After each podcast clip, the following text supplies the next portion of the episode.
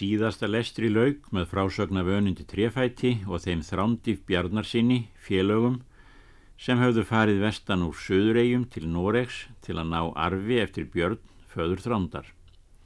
Á eftir fór þrándur til Íslands en önundur var enn í Noregi. Sjöndi kapitúli Önundur fór söður á Rógaland og hitti þar marga frændur sína og vini. Dvaldist hann þar á laun með þeim manni er Kolbeitt hétt. Hann spurði að Haraldur konungur hafi tekið undir sig eignir hans og skipað þeim manni er Háreikur hétt. Hann var ármaður konungs. Önundur fór til hans um nótt og tóku hús á honum. Var Háreikur til högs leittur. Önundur tók þar allt lausafjö, það er þeir náðu, en brendu bæinn hafðist hann þá við í ýmsum stöðum um veturinn. Þetta haust drap grímur hersir öndótt kráku, fyrir það er hann náði eigi fjenu til handa konungi.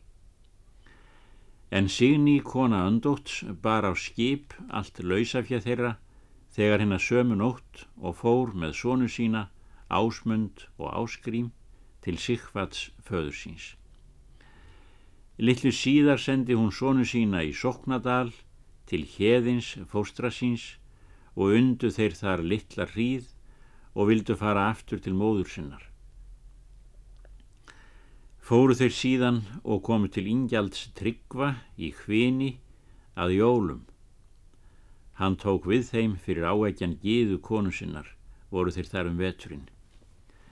Um vorið kom önundur á agðir norður því að hann hafði spurt fráfall öndóts og að hann var drepin. En er hann fann sig nýju, spurði hann hverja liðveistlu þau vildu af honum þykja. Hún sagði að þau vildu gjarna hefna grími hersi fyrir vígu öndóts. Var þá send eftir öndóts sónum og er þeir fundu önund trefót, lögðu þeir saman lagsitt og heldu fréttum til um aðtapnir gríms. Um sumarið var öl heita mikil að gríms því að hann hafði bóðið heim auðun í jarli. Og er það fréttu þeir önundur og öndótts sínir, fóru þeir til bæjar gríms og báru þar eldað húsum, því að þeir koma á óvart og brendu grím hersi inni og nær þrjá tugi manna. Þeir tóku þar marga góða gripi. Önundur fór til skóar, en þeir bræður tóku bát ingjalds fóstrasins og reru í brott og lág í leini skamt frá bænum. Auðun Jarl kom til veyslu sem ætlað var og saknaði þar vinar í stað. Sapnaði hann að sér mönnum og dvaldist þar nokkra nætur og fréttist ekki til önundar og þeirra félaga. Jarl svaf í lofti einu við þriðja mann. Önundur vissi öll tíðindi af bænum og sendi eftir þeim bræðrum og er þeir fundust spurði önundur hvort þeir vildi heldur geima bæin eða gangað jarli. Þeir kjöru að gangað jarli. Þeir skutu stokki á loftstyrnar svo að hurðin brotnaði, síðan greip ásmundur þá tvo er voru með jarli og rak niður svo hart að þeim helt við bana. Áskrímur hljópað jarli og bað hann greiða sér föðurgjöld því að hann hafði verið í atför og ráðum með grími hersi þá er öndóttur var drepin. Jarl hveðst ekki fyrir hafa hjá sér og bað fresta um gjaldið. Ásmundur setti þá spjótsottin fyrir brjóst Jarli og bað hann greiða í stað. Jarl tók þá men af hálsi sér og þrjá gullringa og guðvefjar skikju. Áskrímur tók við fjennu og gaf Jarli nafn og kallaði hann auðun geit. Þá er bændur og héraðsmennurðu varir við að ófríður myndi að komin, e, gengu þeir út og vildu veita liðjarli, var þar hörð hríð því að önundur hefði margt manna, þar fjallu margir góðir bændur og hyrðmenn jarls. Nú komu þeir bræður og sögðu hversu farið hafði með þeim jarli.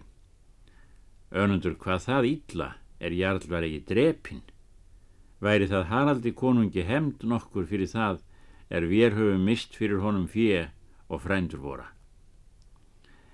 Þeir kváðu jarli þetta meiri smán og fóru síðan á brott og inn í Súrnadal til Eiríks Ölfús, lendsmanns. Hann tók við þeim öllum um veturinn. Þá hafðu þeir samdrykkjum jólinn við þann mann er Hallsteinn hétt og kallaður Hestur og veitti Eiríkur fyrr, vel og trúlega. Síðan veitti Hallsteinn og var þeim þá að áskilnaði. Hann laust Eirík með dýrshorni. Eiríkur gæti eigi hemt sín og fór heim við það. Þetta líkaði stór ítla öndótt sónum og nokkuri síðar fór áskrýmur til bæjar Hallsteins og gekk einn inn og veitti Hallsteini mikinn áverka. Þeir hljópu upp sem inni voru og sóttu að áskrými. Hann varðist vel og komst úr höndum þeim í myrkrinu en þeir þóttust drepa hann. Það fréttu þeir önundur og ásmundur og hugðað áskrimur væri döður og þóttust ekki meiga að gera. Réð Eiríkur þeim að þeir leituð til Íslands, hvað þeim ekki myndu duga að vera þar í landi þegar konungur mætti sér við koma. Þeir gerðu svo, byggust nú til Íslands og hafði sitt skip hvor þeirra. Hallsteinn lág í sárum og lést áður þeirra önundur sigildu. Kolbeinn réðist í skip með önundi sáur fyrir getið. Áttundi kapitúli Þeir önundur og ásmundur letu í haf er þeir voru búnir og hafðu samflota. Þá hvað önundur þetta? Þótt ég hæfur að hrotta reggvindi fyrr seggjum. Þá er gerðhríðar gnúði grand kvast og súandi. Nú verður á skæ skorðu, skáldi sígur, að stíga út með einum fæti Íslands á vit þvísa. Þeir höfðu útífist harða og veður þver mjög af söðri, bar þá norður í haf. Þeir fundu Ísland og voru þá komnir fyrir norðan Langanes er þeir kendust við. Þá var svo skamt í milli þeirra að þeir töluðst við. Sagði ásmundur að þeir myndu sigla til eigafjörðar og því játuðu hórir tveggju. Beittu þeir þá undir landið, þá tók veðrið að styrma af landsöðri. En er þeir önundur lögði í nauðbeitu þá lestist ráin, feldu þeir þá seglið og í því rak þá til hafs undan. Ásmundur komst undir Rísei og beð þess er honum byrjaði inn á Eyjafjörð. Honum gaf Helgi hinn magri kræklingalíð alla. Hann bjóð gler á hinn í siðri. Áskrímur bróður hans kom út nokkurum vetrum síðar Hann bjóð gler á henni nýrðri. Hann var fadir Elliða Gríms, föður Ásgríms. Níundi kapitúli Nú er að segja frá önundi trefót að þá rak undan nokkur dægur. Síðan gekk veðrið á haf, þar að segja gerði storm af hafi, sigildu þeir þá að landinu. Kendust þá við þeir er áður höfðu farið að þeir voru komnir vestur um skaga. Sigildu þeir inn á strandaflóa og nær söðurströndunum. Þá eru að þeim sex menn á teinæringi og kölluðu upp á hafskipið hver fyrir réði. Önundur nefndi sig og spurði hvaðan þeir væru. Þeir hvaðust vera húskarlar Þorvalds frá draungum. Önundur spurði hvort numin væru öll löndum strandirnar. Þeir hvaðu lítið ónumið á innströndum en ekki norður þangað. Önundur spurði skipferja sína hvort þeir vildu leita fyrir vestanlandið eða hafa slíkt er þeim var tilvísað. Þeir kjöru að kanna landið fyrst, syldu síðan inn eftir flóanum og lögðu fyrst á víkina fyrir Árnesi skutu þar báti og reru til lands. Þá bjóð þar ríkur maður Eiríkur Snara er land hafði numið milli Ingólfsfjörðar og Ófæru í veiðileysu. En er Eiríkur vissi að önundur var þar komin, bauð hann honum af sér að þykja slíka hluti sem hann vildi, en hvað lítið það er eigi væðri numið áður. Önundur hveðst sjá vilja fyrst hvað það væri. Fóru þeir þá inn yfir fjörðu og er þeir komu inn til ófæru, mælti Eiríkur. Hér er á að líta, hérðan frá er ónumið og inn til landnáms bjarnar. Þar gekk fjall mikið fram þeim megin fjörðanna og var fallin á snær. Önundur leit á fjallið og hvað vísu þessa. Síðar í hlutin hljóðar svo. Hef ég lönd og fjöld frænda flýð, en hitt er nýjast. Kröpp eru kaup, ef hrepp ég kald bak, en ég læt akra. Eiríkur svarar, margur hefur svo mikils mist í Noregi að menn fá þessi ekki bætur Hygg ég og að numin sé flest lönd í megin héruðum. Kan ég því eigi að fýsa því hérðan í brott, mun ég það halda að þú hafir af mínum jörðum það er þér hendar.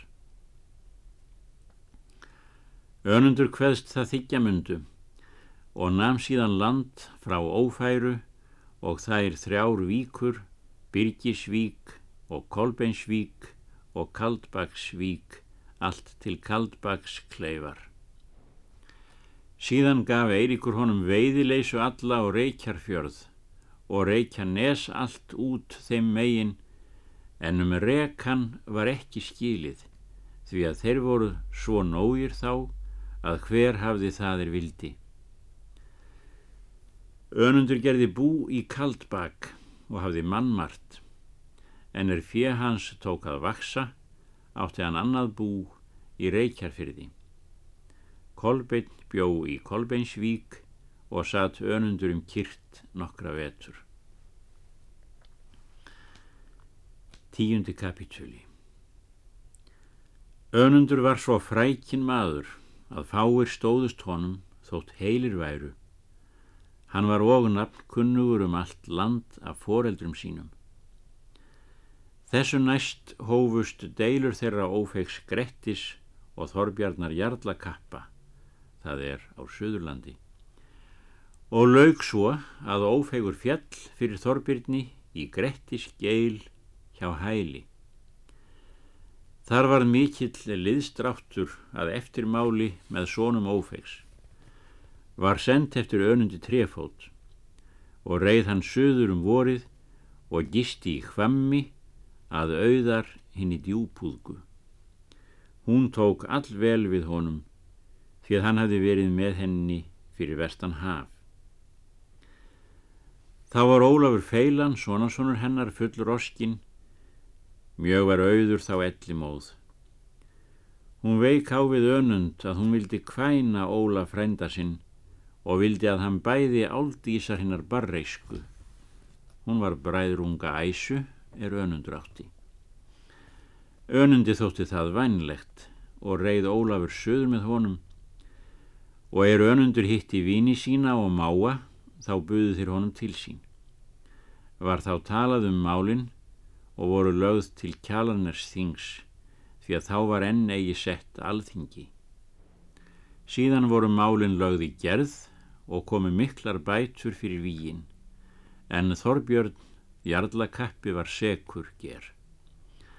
Hans sonur var Sölmundur, fadir Sviðu Kára, voru þeir frændur lengi utanlands síðan. Þrándur bauð heim önundi og þeim Ólafi og svo Þormóður skafti. Fluttu þeir þá bónorðið Ólafs, var það auðsótt því að menn vissu hver raustnar kona auður var. Var þessu keift reyðu þeir önundur heim við svo búið. Auður þakkaði önundi liðveislu við Ólaf. Þetta haust fekk Ólafur feilan áldísar hinnar barreisku, þá andaðist auður hinn djúpúðga sem segir í sögu lagstæla. Ellefti kapitúli Þau önundur og æsa áttu tvo sónu. Héttin eldri Þorgeir en hinn yngri ófegur Grettir. Littlu síðar andaðist æsa. Eftir það fekk önundur þeirrar konu er Þordís hétt. Hún var dóttir Þorgríms frá Gnúpi í miðfyrði, skild miðfjörðarskeggja. Við henni áttu önundur þann són er Þorgrímur hétt. Hann var snemma mikill maður og sterkur, búsíslu maður mikill og vitur maður. Önundur bjó í kaldbak til elli. Hann varð sótt döður og likur í trefóts haugi. Hann hefur freknastur verið og fimastur einfættur maður á Íslandi. Þorgrímur var fyrir sónum önundar þótt aðrir væru eldri, en er hann var hálf þrítugur að aldri þá hafði hann hærur í höfði, því var hann kallaður hærukollur. Þórdís móður hans giftist síðan norður í Víðidal, auðunni skökli. Þeirrar sónur var áskjær að áskjærs á. Þeir Þorgrímur hærukollur og bræður hans áttu eignir miklar allir saman og skiptu engu með sér. Eiríkur bjó í Árnesi sem fyrri var getið. Hann átti álöfu dóttur Ingóls úr Ingólsfyrði. Flosi hétt sonur þeirra. Hann var efnilegur maður og átti marga frændur. Þeir komu úthingað þrýr bræður, Ingólfur og Ófegur og eyvindur og námu þeir þá þrjá fjörðu er við þá eru kendir og byggðu þar síðan. Ólafur hétt sonur eyvindar, hann bjó fyrst í eyvindarfyrði en síðan að draungum og var mikill maður fyrir sér. Engin varð áskilnaður með mönnum þar meðan hinn er eldri menn livðu En þá er Eiríkur var látin, þótti flosa kaldbekklingar eigi hafa löglegar heimildir á jörðum þeim er Eiríkur hafi gefið önundi. Af því gerðist sundur þykki mikið meðal þeirra, en þó heldu þeir þorgrímur sem áður. Ekki máttu þeir þá leika saman eiga. Þorgir var fyrir búið þeirra bræðra í Reykjarfyrði og reri jafnan til fiska því að þá voru fyrirðirnir fullir af fiskum. Nú gera þeir ráðsitt í víkinni. Maður hétt Þorfinnur, hann var húskarl Flosa í Árnesi. Þennan mann sendi Flosi til höfuðs Þorgeiri. Hann leindist í nöstinu. Þennan morgun bjóst Þorgeir á sjóaðróa og tveir menn með honum hétt hannar hámundur en hannar brandur. Þorgir gekk fyrst, hann hafði á baki sér leðurflösku og í drikk. Myrt var mjög og er hann gekk ofan frá nöstinu þá hljóp Þorfinnur að honum og hjó með öksi millir herða honum að, og sökk öksin og skvakkaði við, það er skvampaði.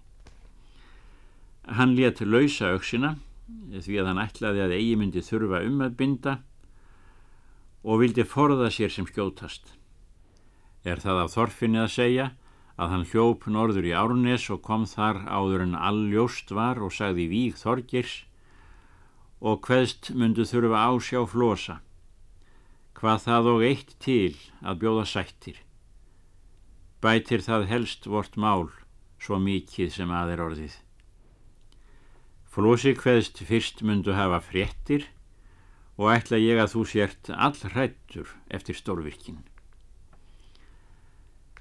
Nú er að segja frá Þorgeri að hann snaraðist við höggið og kom auksin í flöskuna en hann varð ekki sár.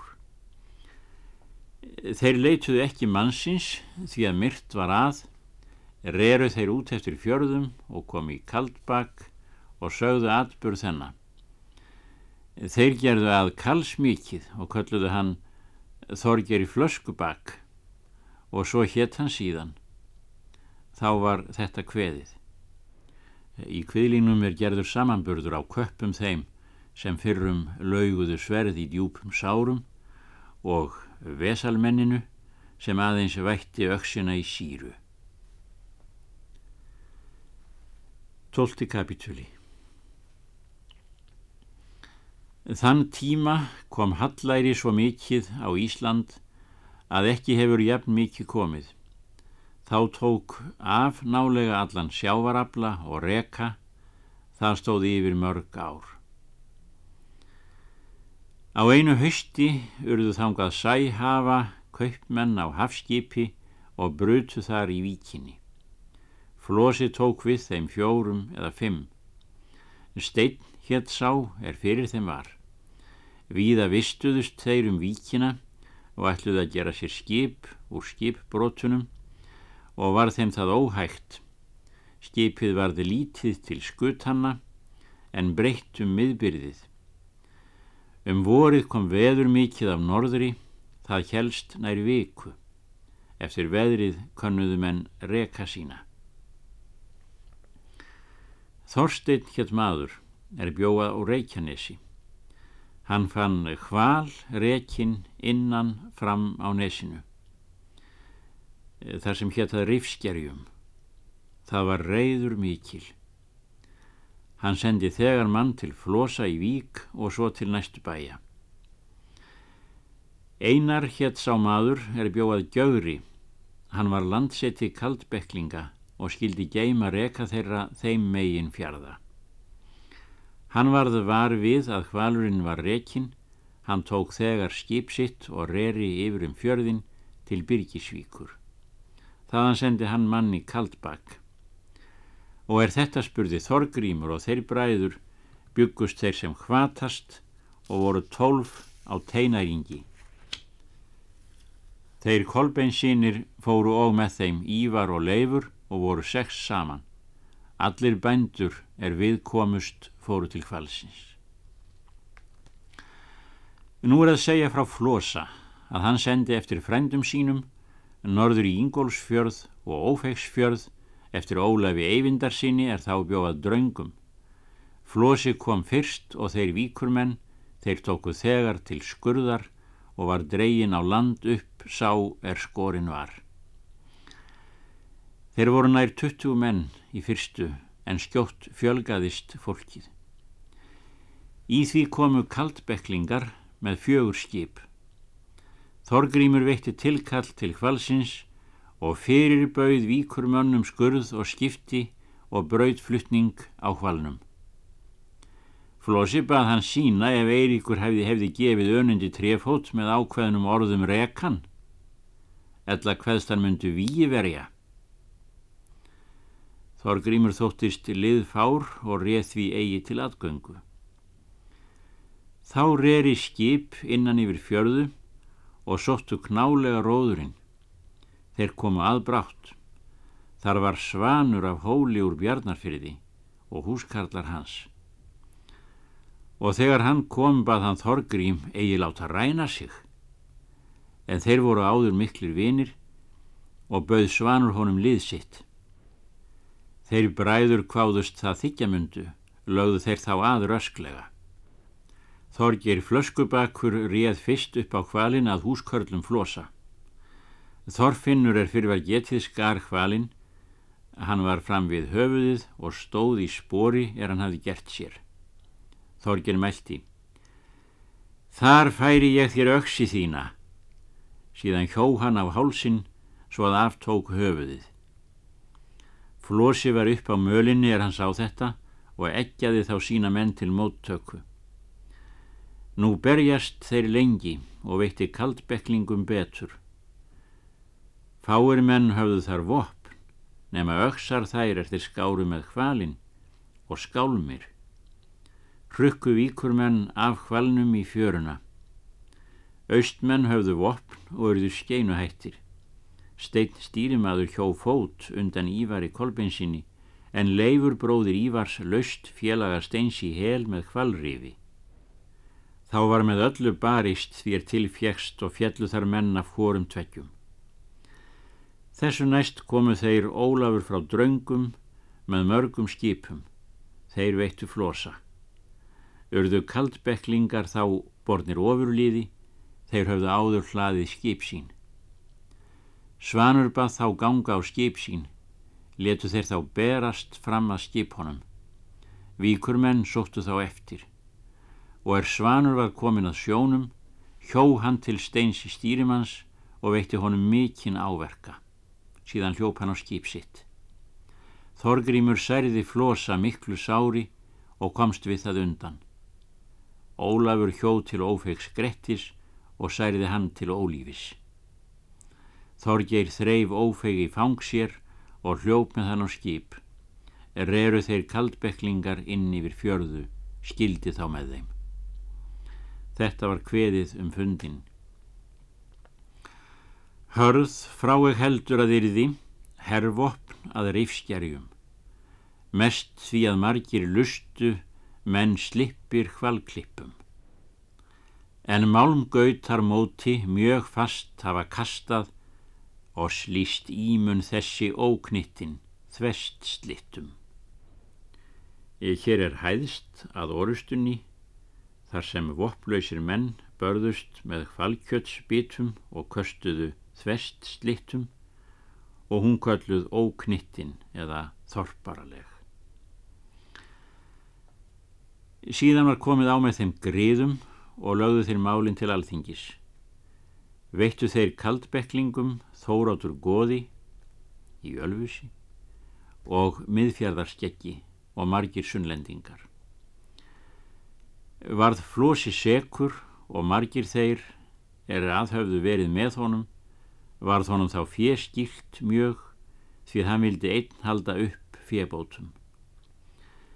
Þeir Þorgrímur gáttu eigi sínt að þeir hefðu fjelægið fyrir gerðirnar og rekan er flosi kæriði eftir. Þorkell Máni hafði þá lögsögu, var hann þá beitur úrskurðar. Og honum hveðst það lög sínast að nokkuð hefði fyrir komið þótt eigi veri fullt verð. Því að svo gerði steinun hinn gamla við Ingólfu afa minn að hún þá af honum rosmhvalanes allt og gaf fyrir heklu flekkóta og hefur það ekki rift orðið munu þar stærri rið í vera er rið er veigur eða þungi þorkjall á við að landið hafi verið meira virði en hér legg ég til ráð segir hann að skipað sé brotgeiranum það er landsbyldunni umdeildu, og hafi hvorir tveggju að jafna því. Síðan sé að það er lögtekið að hver eigi reka fyrir sinni jörðu. Þetta var gert. Var þá svo skipt til að þeir þorgrímur léttu reykjarfjörð og allt út þeim megin en þeir skildu eiga kamp. Ófegur var bættur miklu fjö. Þorfinnur var ógildur. Þorgeiri var bætt fyrir fjörráð, síðan sættust þeir. Flósi réðst til Noregsferðar með steini stýrimanni en seldi jarðir sínar í víkinni, germundi hvikatimbur, bjó hann þar síðan. Skip það er kaupmenn höfðu gert var mjög breyðvaksið, það kalluðu menn trekilli og þar er víkin viðkend. Á því fór flosi utan og varð afturreka í öksarfjörð, þaðan af gerðist saga böðmóðs og grímúls og gerpis.